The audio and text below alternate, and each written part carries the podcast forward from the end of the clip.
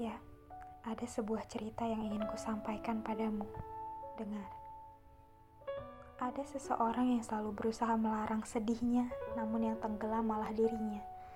Berdiam di ujung bukit, namun yang didapatkan adalah kesepian, bukan ketenangan. Pernah berkelana mencari bahagia, tapi yang ditemukan malah bahaya. Di kemudian hari sambil memeluk kecewa, ia merasa ingin minggat pindah kota. Rumahnya tak lagi ramah.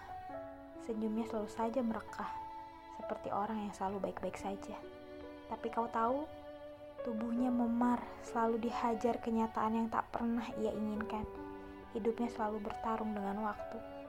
Seringkali ia keras pada dirinya dan rapuh pada saat yang sama.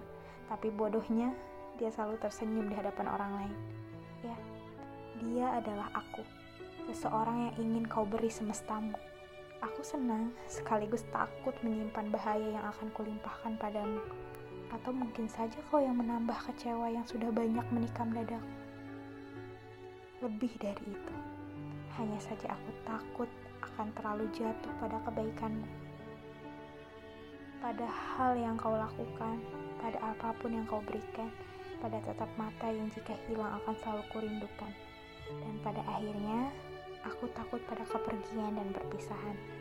Maka akan kusampaikan bagaimana diriku bagaimana luka yang kumiliki, bagaimana aku dan semestaku tidak sebaik itu.